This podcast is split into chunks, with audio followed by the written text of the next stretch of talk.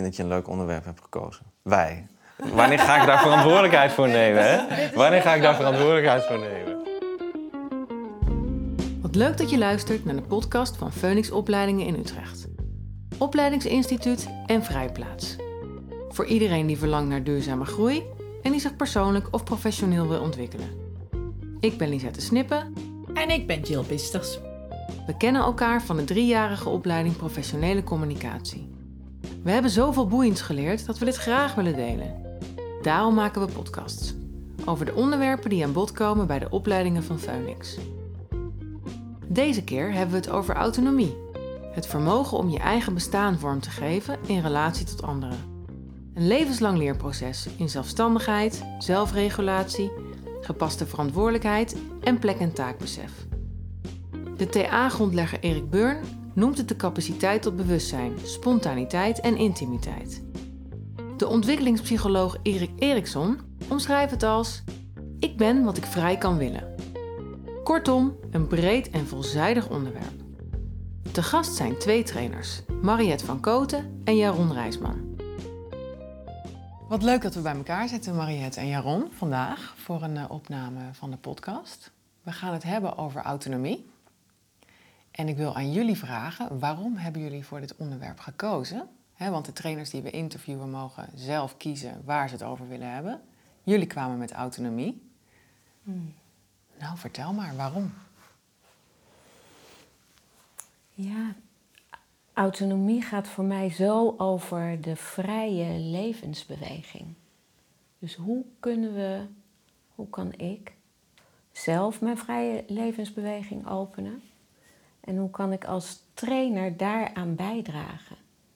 En ja, autonomie gaat daar eigenlijk over. Hoe kunnen we in onze, hè, in onze ik-ontwikkeling um, gaandeweg, en volgens mij dat, dat duurt een leven lang, denk ik, uh, komen tot, oh ja, hoe kan ik me ergens ook losmaken van, van wat ooit geleerd en mijzelf daarin vastpakken. Mooi, dankjewel. Dankjewel. Jaron, zou jij ook iets willen zeggen over wat, wat jij met autonomie hebt? Ja, ik vind het gewoon al gelijk heel leuk. Want dan zit, ik zit dan na te denken. En dan bij mij begint het bij hoe ging dat nou eigenlijk?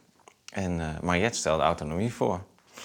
En uh, het eerste wat dan gebeurt is dat ik denk, wat een saai woord. Wat een saai woord. ja, wat een stom woord ergens. En toen... Uh, dus, mijn, dus dat denk ik dan niet precies, maar dan gaat dat zo... Ik voel dan nog niet een ja of zo. En, uh, maar er zit al zo mooi in, met autonomie bij mij... hoe ik het ook wend of keer, ik begin bij de ander. Dus autonomie is een heel mooi onderwerp voor mij om mee te werken, omdat het zo zoektocht is van wanneer beweeg ik nou echt vanuit mij. En dat gebeurde dus ook dan in het gesprek dan. Nou ja, vanuit mij, dat gaat helemaal niet over Mariette, ben ik eigenlijk aan het ontworstelen aan haar voorstel. En op een gegeven moment zie ik voor me, oh ja, ik kan het zo benaderen en zo benaderen. Dus dan voel ik vrijheid bij het onderwerp. Dus waarom hebben we het gekozen? Nou, omdat Mariette het voorstelde. en, um, maar ik voel wel.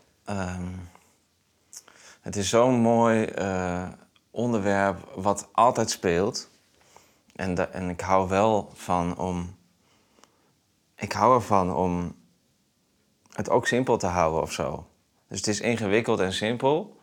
Het is, het is er de hele tijd. Het speelt de hele tijd. Dus ik voel ook dat we veel mogelijkheden hebben. En daar ging mijn ja aan. Als ik dus ruimte voel voor veel mogelijkheden. En, uh, en ik vind het dan ook gelijk leuk hoe jij antwoord geeft, Mariette. En uh, dat ik dacht, oh ja, nee, ik mag gewoon op mijn manier antwoord geven. Dus dan, uh, ja, daar zit het allemaal ook gelijk alweer ja, in. Ja, ja. ja. Ja, en je vertelt ook meteen iets, Mariette, over het begeleiden van studenten of cliënten of cursisten eh, met autonomie. Het is natuurlijk ook een van de, hoe noemen we het ook alweer, pijlers of uitgangspunten hè, van Phoenix. Ja.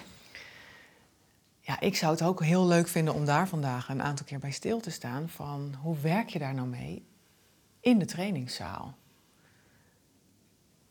Ja, kun je daar iets meer over zeggen? Misschien over hoe dat in de driejarige speelt? Of...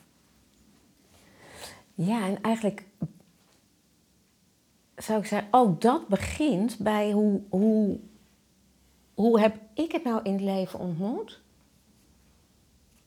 Voordat ik er met een ander mee kan werken.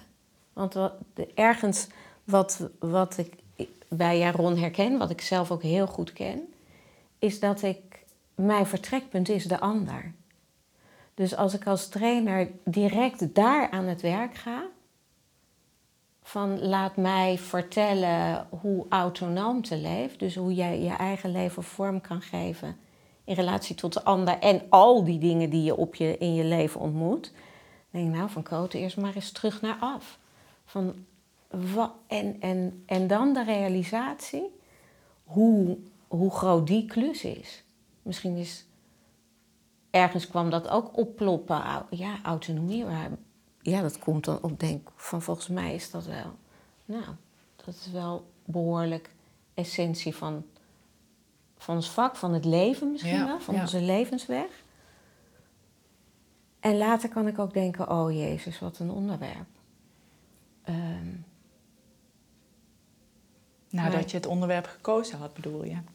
ja. Om- Dus vanwege dan- de breedte. De alomvattendheid. Vanwege de breedte, maar ook over, oh jee, hoe autonoom ben ik nou eigenlijk zelf? Van hoe, hoe worstel ik, kan ik daar ook nog zelf mee worstelen? Eh, en als ik even zo terug naar af, dan is er zo'n heel klein meisje wat ooit ongeveer haar eerste, mijn eerste zin, al dus mijn moeder, was ik het zelf doen.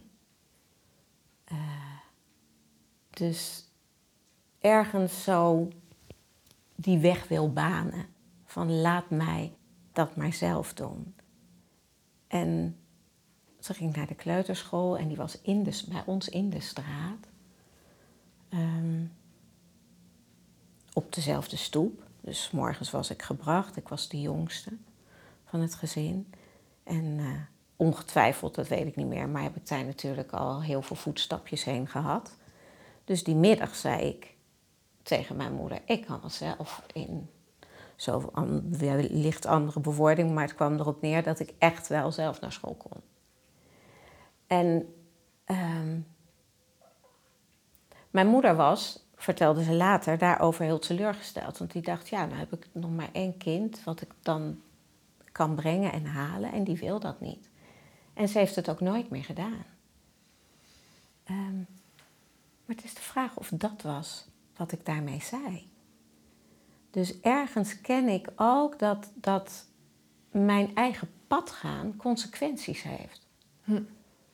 Dus, eh, nou toen, als het ware haar gekwetstheid daarin en mijn vervolgens wellicht mogelijk verloren, of oh ja, dan is het altijd zelf, maar dus alleen. Ja. Ehm, en dat gevoel weet ik met mijn hoofd niet. Maar ik ken het in mijn lijf wel van, van allerlei andere momenten in mijn leven.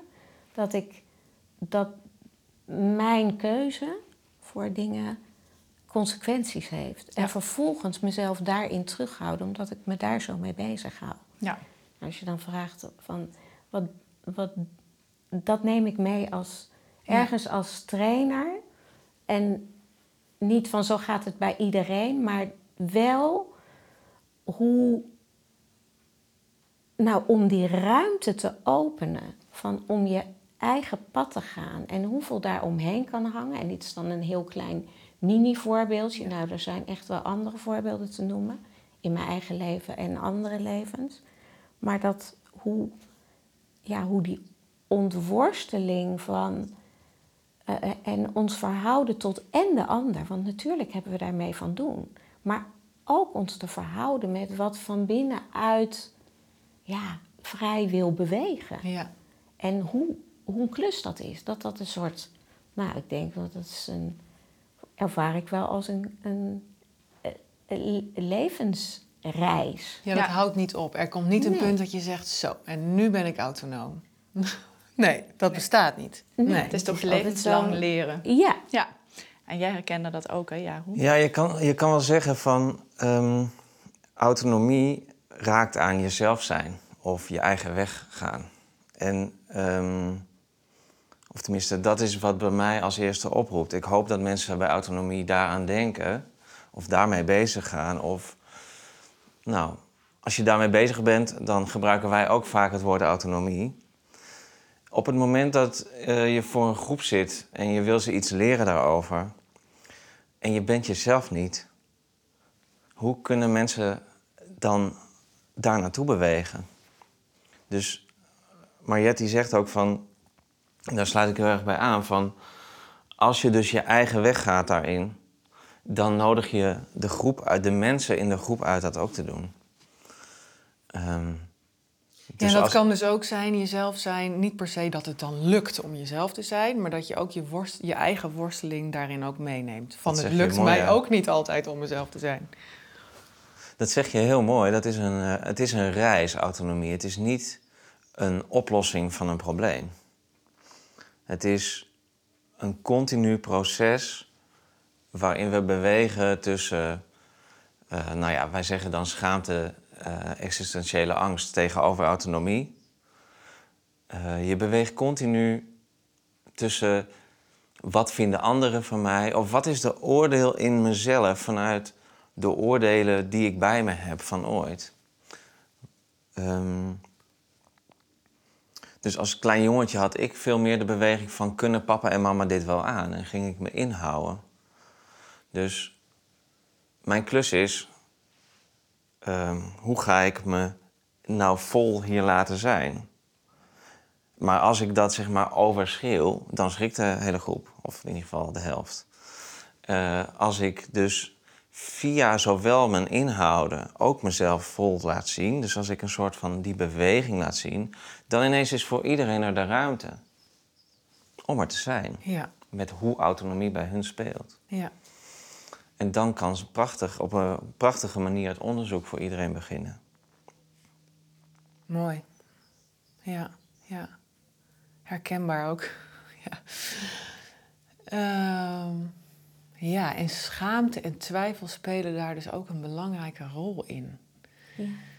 En ja, ik ben zelf ook heel nieuwsgierig naar hoe die schaamte dan hè, ons kan helpen eigenlijk om ook weer die autonomie verder te ontwikkelen. Ik ken ook veel schaamte. Ik heb ook schaamte rondom deze podcast opnemen en ze terugluisteren. Oh, ik vind van alles van mezelf. Dus daar gaat altijd een heel proces aan vooraf en achteraf en waar heel veel schaamte bij komt kijken. Ik heb het nog niet helemaal uitgepuzzeld hoe dat dan precies in elkaar zit.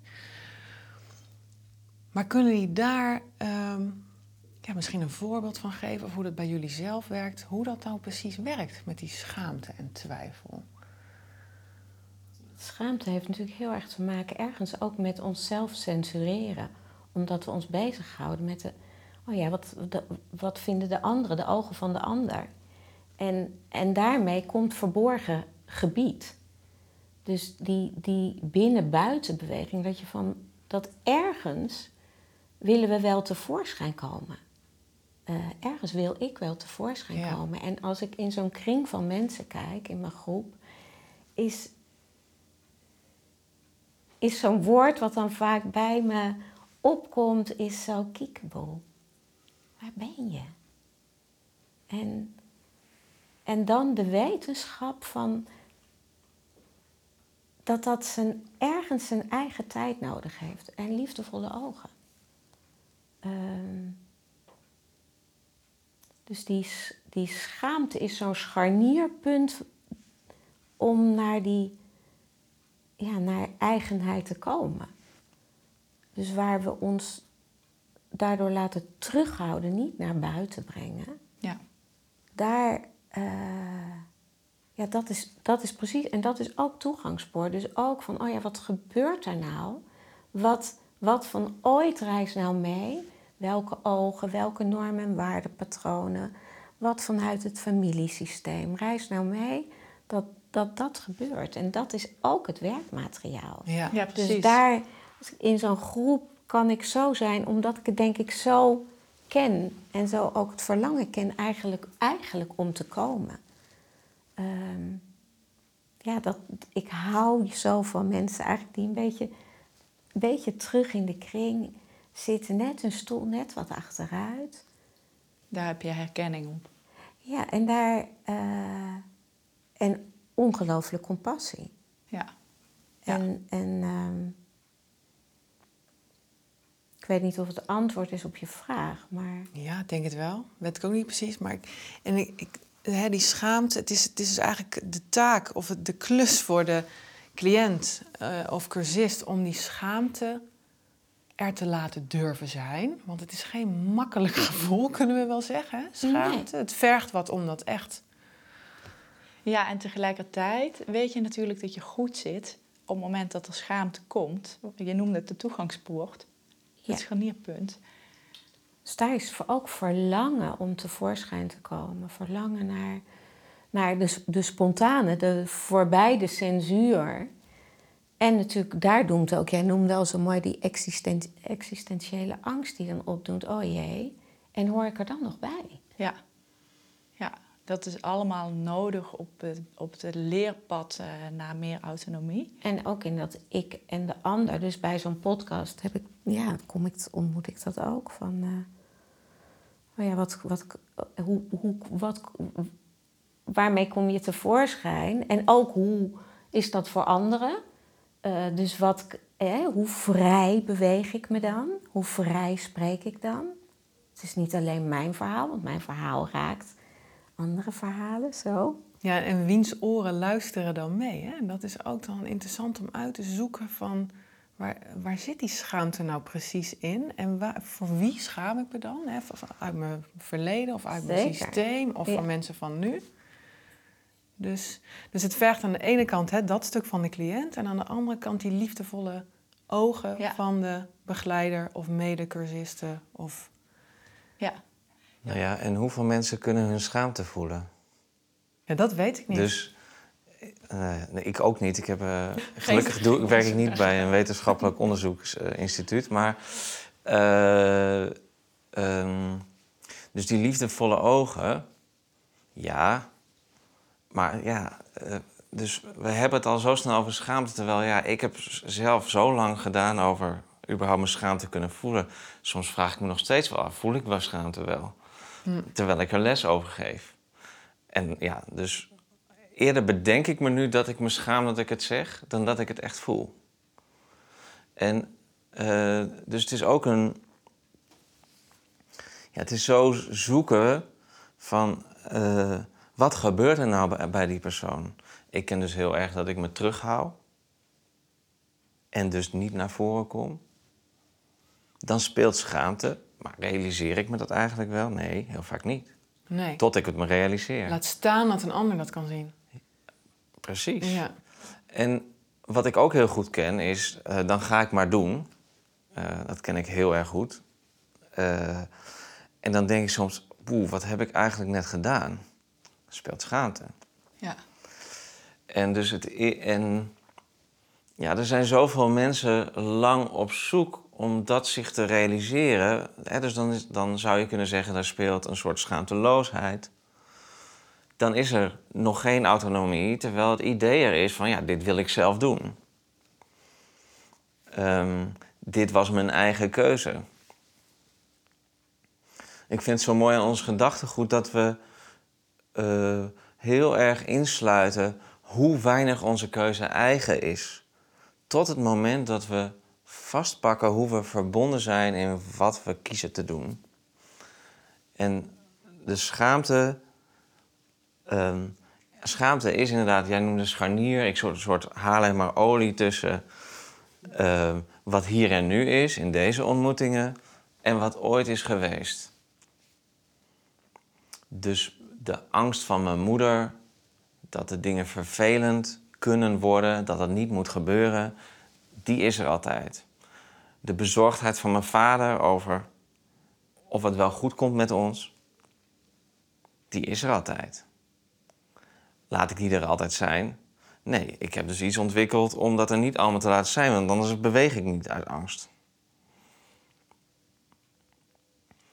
Dus ik doe een soms teruggehouden zijn en soms eroverheen knallen. Ik heb ook een broer die doet in mijn ogen vooral eroverheen knallen. Maar ja, ehm, ja, dus ik ben opgegroeid met vier broers. Je ziet vier hele verschillende bewegingen.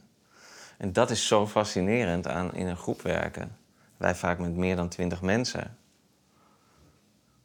En er zijn echt twintig varianten op bewegen tussen schaamte en nou ja, je eigen beweging. Ja. Ik was daar nog wel benieuwd naar, hè? want als je dan in een groep werkt en iedereen heeft hier zijn leerweg in te vinden, naast liefdevolle ogen, hè? dat is eh, iets wat, wat je zelf beetpakken en liefdevolle ogen, hebben jullie dan ook een favoriet, favoriete ingang om ehm, schaduw eh, te triggeren of mensen er voor warm te maken dat het, dat het, dat het kan gebeuren in zo'n, in, op zo'n dag?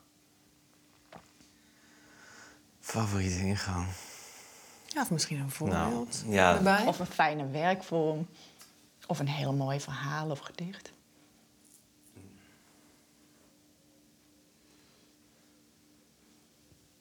plo- Dan ploppen daar allerlei, allerlei dingen op, omdat, er, eh, omdat je verschillende dingen noemt. Dus favoriet kan ik, ik weet het niet. Soms, soms klop je op deurtjes, soms, dat doe ik denk wel vaak.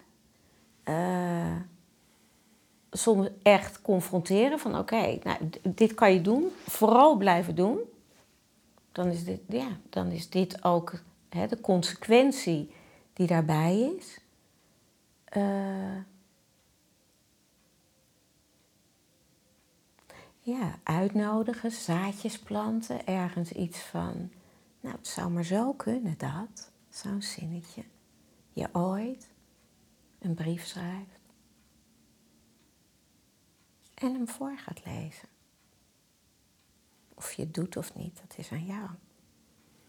Dus, ja, het is zo, ik vind het zo, zo dansen op een koord bijna. Dus om zo ook steeds, het gaat ook altijd over in de ontmoeting. Autonomie gaat natuurlijk over ehm, wie zijn we zelf in de ontmoeting met de ander. Dus, dus ook dit moet in de ontmoeting. Van hoe, hoe kan ik het bij jou wakker roepen en hoe moet ik dat bij jou doen of bij jou? Dat vraagt andere dingen.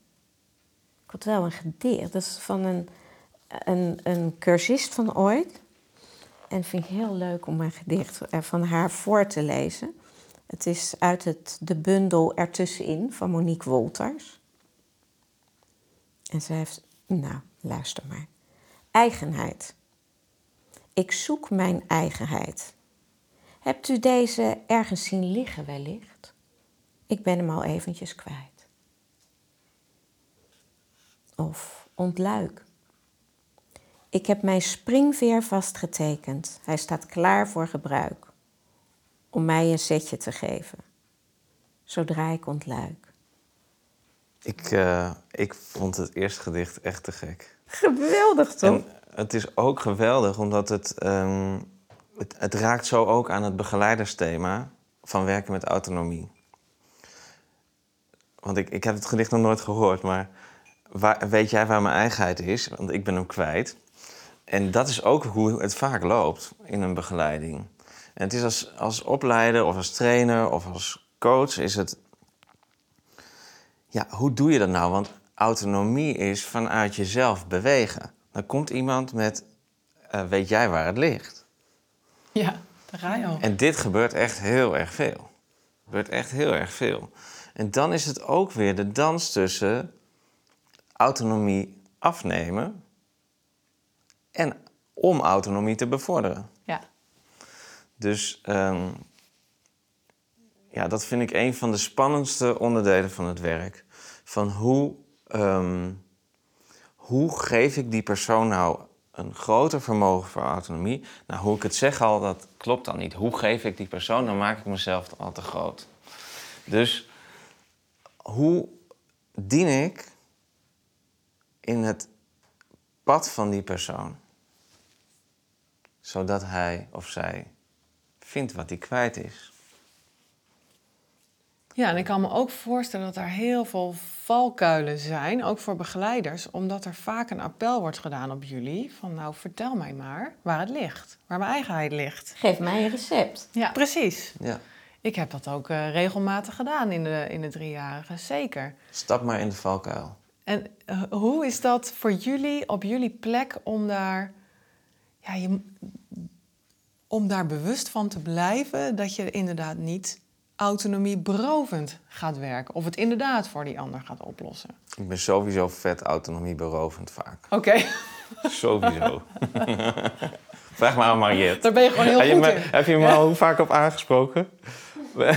Liefdevol op gewezen heeft ze dan. Maar hebben jullie daar een voorbeeld van uit de, uit de praktijk? Want jullie hebben dus samen de driejarige ook gedaan. Hoe dit dan ook tussen jullie gaat als jij zegt van nou, ik heb weer goed autonomieberovend gewerkt. Nou, kijk. eh, ehm, ik doe het een beetje gekscherend. Want ehm, wat, wat ik denk dat het allerbelangrijkste is, is dat ik liefdevol naar mezelf blijf daarin.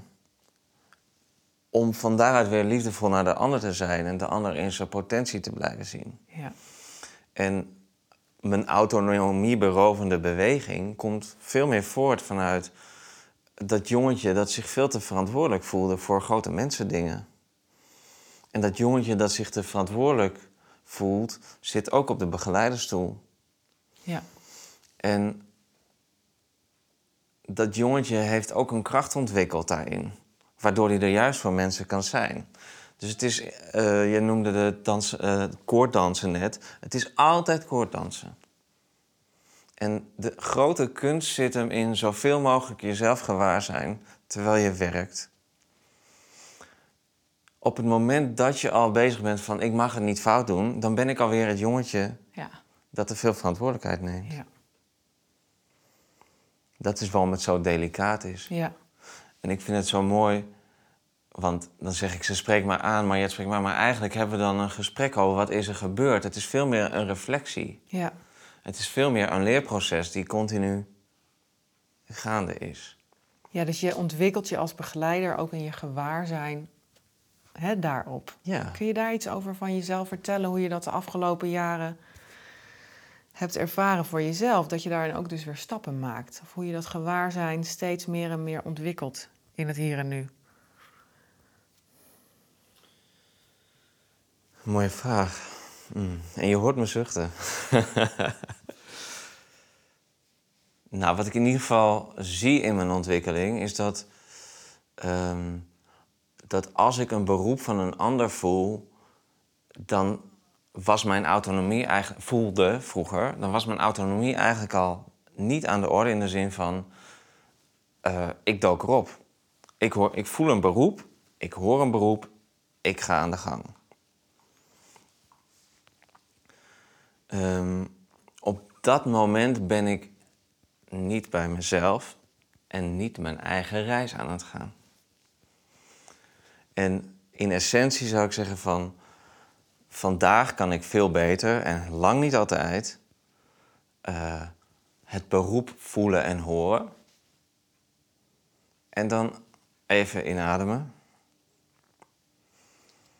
En voelen, wat heb ik hierin te bieden? Wat past in mijn reis? Wat past in wie ik ben? Wat past in onze afspraak? En dan bewegen. Ja, En in mijn geval is het een mix van de oude beweging. Eh, want ik kan nog steeds heel veel hele mooie dingen doen, juist vanuit die, eh, mm, nou, ik noem het maar even reflex. Eh, maar het is veel meer dat je leert bewegen in beide richtingen, wat je altijd deed en wat je te leren hebt. Wat een, ehm, nou, ik zou zeggen, steeds completer palet aan je geeft als begeleider. ja, en dat je daar dus ook keuze in krijgt. Dus je keuzevrijheid wordt erin ruimer. Meer Waar je keuzevrijheid. normaal meer reflex had. Maar niet met de illusie van keuzevrijheid. Oké. Dus ja, meer keuzevrijheid. Maar altijd ook ergens ook gewaar zijn van... eh, dit is hoe ik het doe. Ja. Dit is wie ik ben. Ja, ja. Daar komt die Eh, mildheid ook weer om de hoek ja, kijken. juist. Het is wel, ik wil nog even terug naar dat jij zo noemde net van, oh ja, die, het over autonomieroof. En uh, alsof ik dat niet zou doen. En ik, ik doe het natuurlijk even goed. Um, uh, hoewel, alhoewel op een andere wijze. Omdat mijn triggers op andere punten zitten. Dus, dus de, uh, de trigger op als ik lijden zie bij iemand, dan ben ik in no time, als het ware, van binnen al daar. Uh, hoe, hoe, wat kan ik doen? Um, en dan ben ik van mijn plek. En dat is autonomie over ergens van de ander en ook van mezelf. In, de, in het zoeken naar, oh ja, wat, wat is voor mij en hoe kan ik me anders verhouden dan denken dat ik een toverstafje heb of moet, zou moeten hebben. En, en dan terug naar mezelf is ook aankijken van. Uh,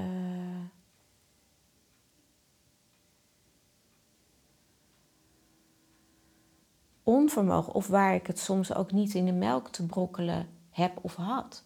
In, in mijn leven, uh, mijn broer die uit het leven stapte, waar ik niets aan kon doen. Uh, en ergens is, blijft dat een gevoelige plek. Dus ik ben heel makkelijk daar. Dus ook de ruimte houden van, oh ja, kan ik, kan ik blij vrolijk ja. zijn als het hè, met de ander niet goed gaat. Ja, dan kom ik daarin. Ja. Dus daar, ga, daar schiet ik er makkelijk in. En ik kan me vaker terugroepen, omdat ik ook denk, oh ja, dat zijn van die gebieden die we ook zelf moeten ontdekken. Ja, en er zit ook een andere kant aan, hè? want uh, um, je kunt van nature een magische beweging hebben van jezelf, dat je het graag goed wil maken of wil oplossen voor de ander.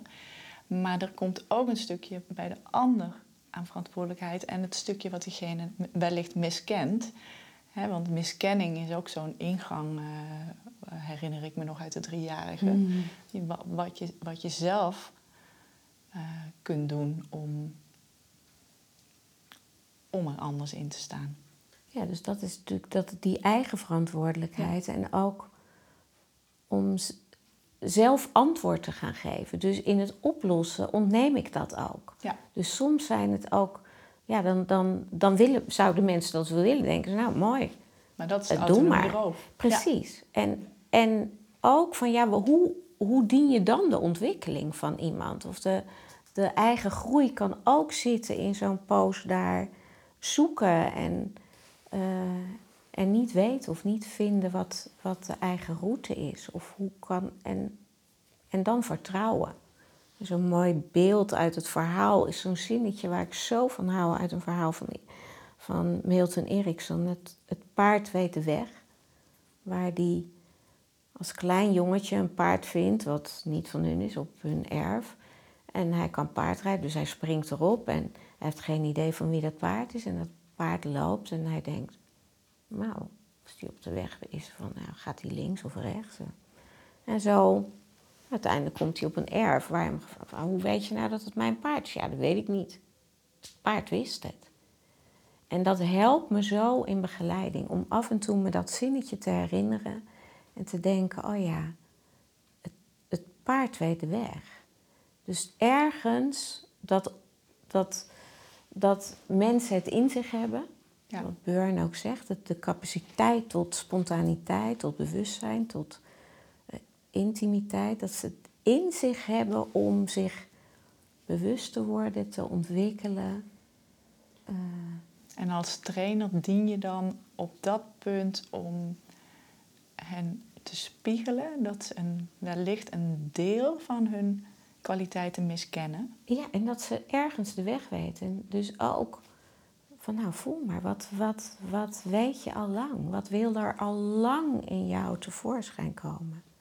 En dat is dat koordansen. Dat je Ja. ergens wel met dat paard meeloopt, maar Ja. niet aan de teugels gaat lopen trekken. Nee, en af en toe natuurlijk van, eh, ben je, jij hebt teugels. Je, je ja. kunt ze gebruiken. jij hebt teugels. Maar ik, ik ook, want even goed in mij is er een paard dat de weg weet. En dan, oh ja, dat zijn, van die, zijn de, die beide perspectieven. Ja.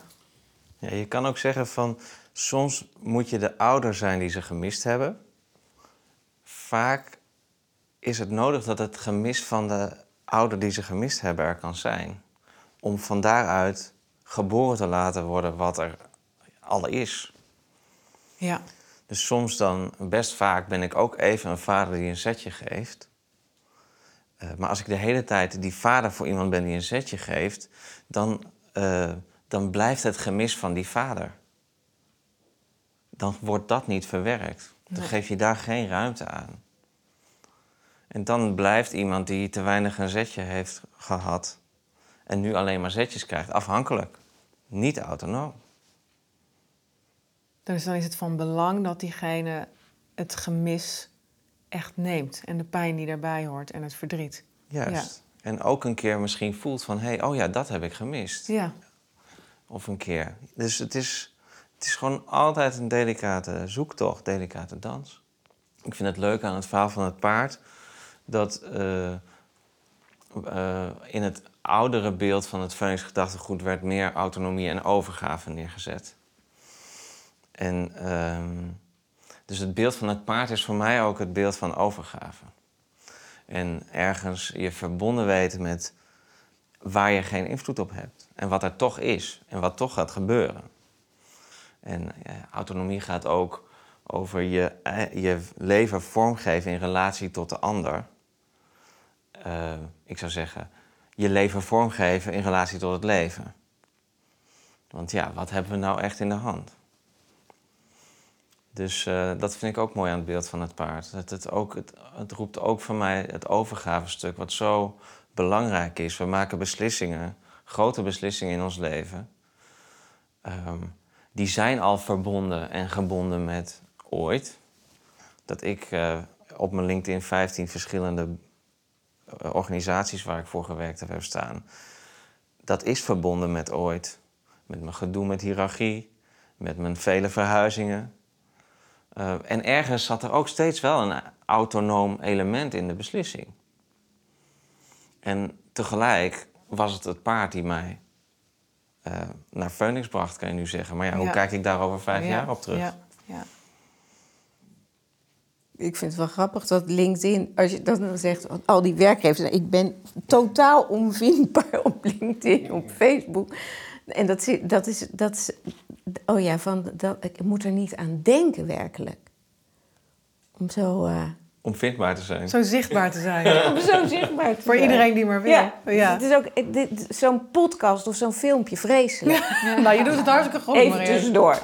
Maar net had je nog zo over dat overgave. Toen plopte daar autonomie en overgave. Dus waar zo'n voorbeeld van een vriendinnetje van mij... wat eh, een slechte diagnose kreeg.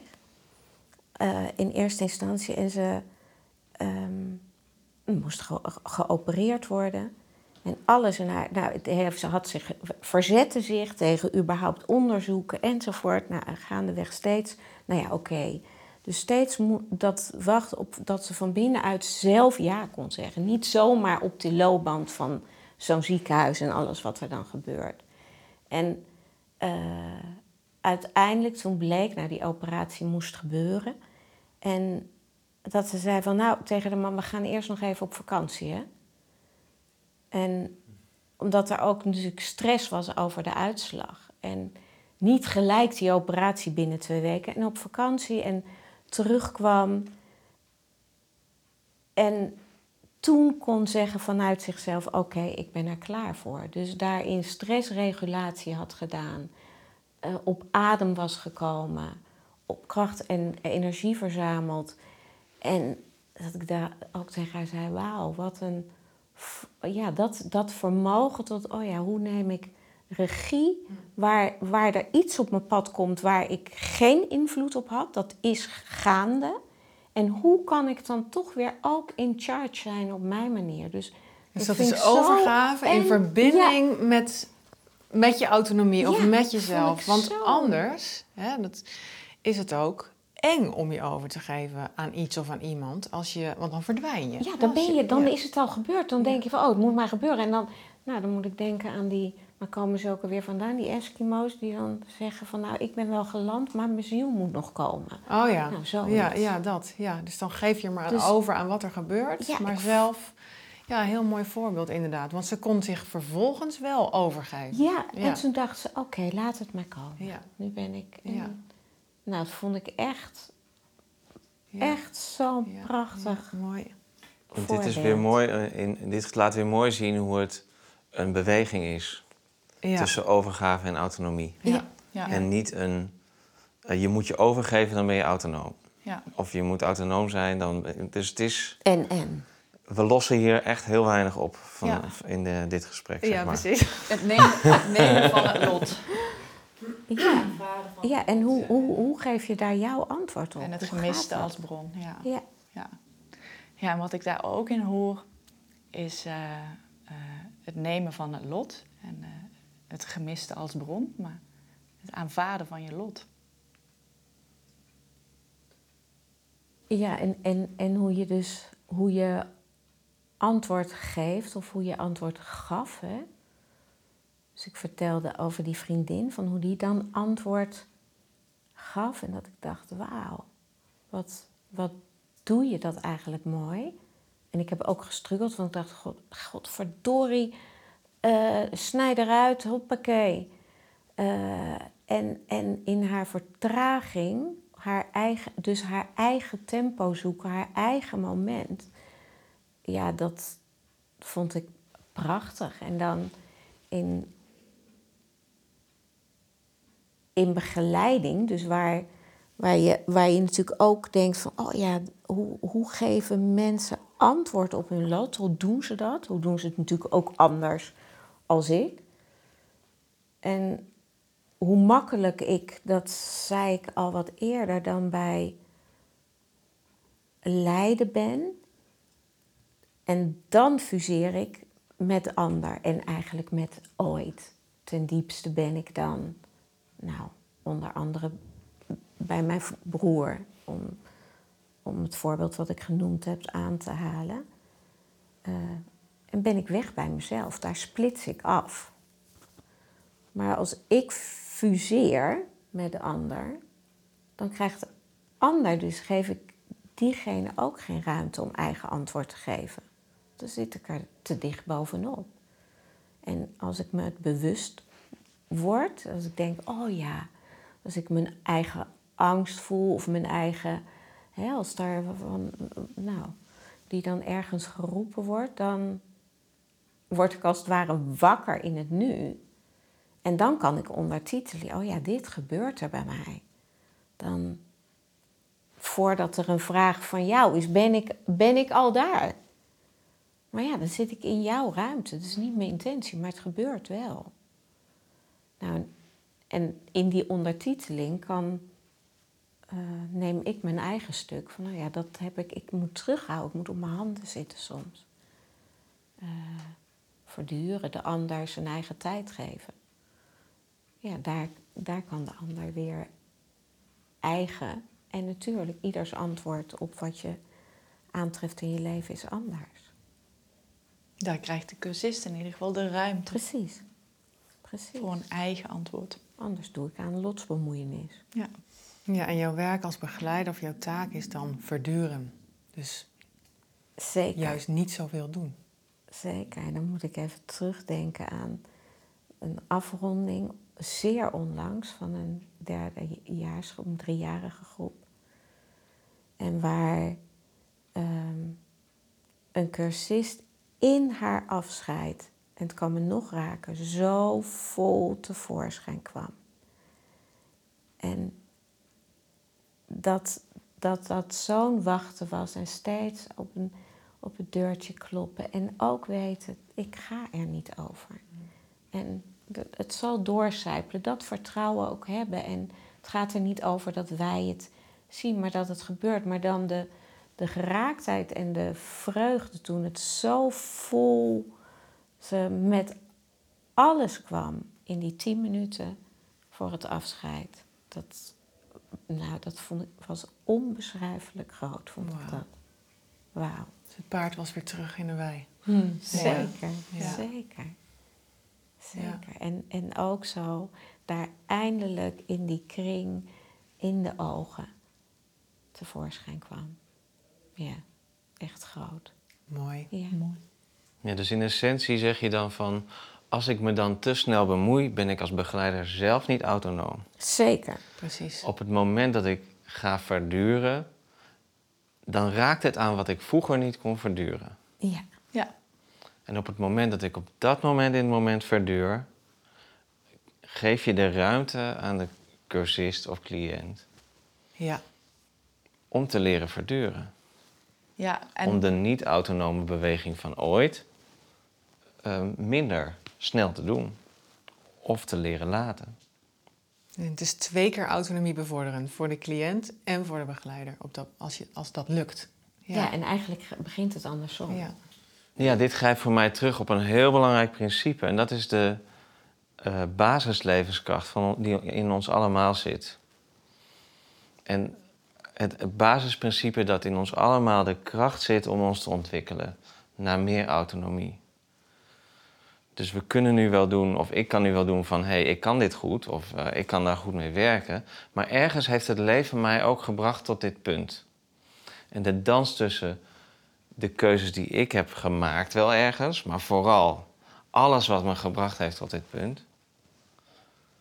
Inclusief mijn eigen levenskracht en verlangens. En ja, dat is denk ik waar het dan ten diepste over gaat. En voor ons als begeleiders zo belangrijk eh, om op die stroom te, te drijven. Ja. ja. Ja, dus dan, dan zijn we eigenlijk weer terug bij het begin van die vrije bewegings... eh, nee, de vrije levensbeweging openen. Dus dat het, dat het leven wil vrij uitstromen. En hoe kan je die vrije levensbeweging, als het ware, nou ja, laten zijn? Ja. En precies daar is iemand het dichtst bij zichzelf. Ja. Zo autonoom als het maar kan. Oh, wat een ideaal plaatje. Heerlijk. Nou, En laten we daarmee hij is afsluiten. ook heel mooi rond. Hij is ontzettend mooi rond. Ja. Ja. Mooi dat hij nog even op zijn phoenix mooi rond werd. De weg naar autonomie blijft dus een leerweg voor het leven. Bedankt Jaron en Mariette voor dit boeiende gesprek. Wil je reageren op deze podcast? Mail dan naar info.phoenixopleidingen.nl. Tot de volgende!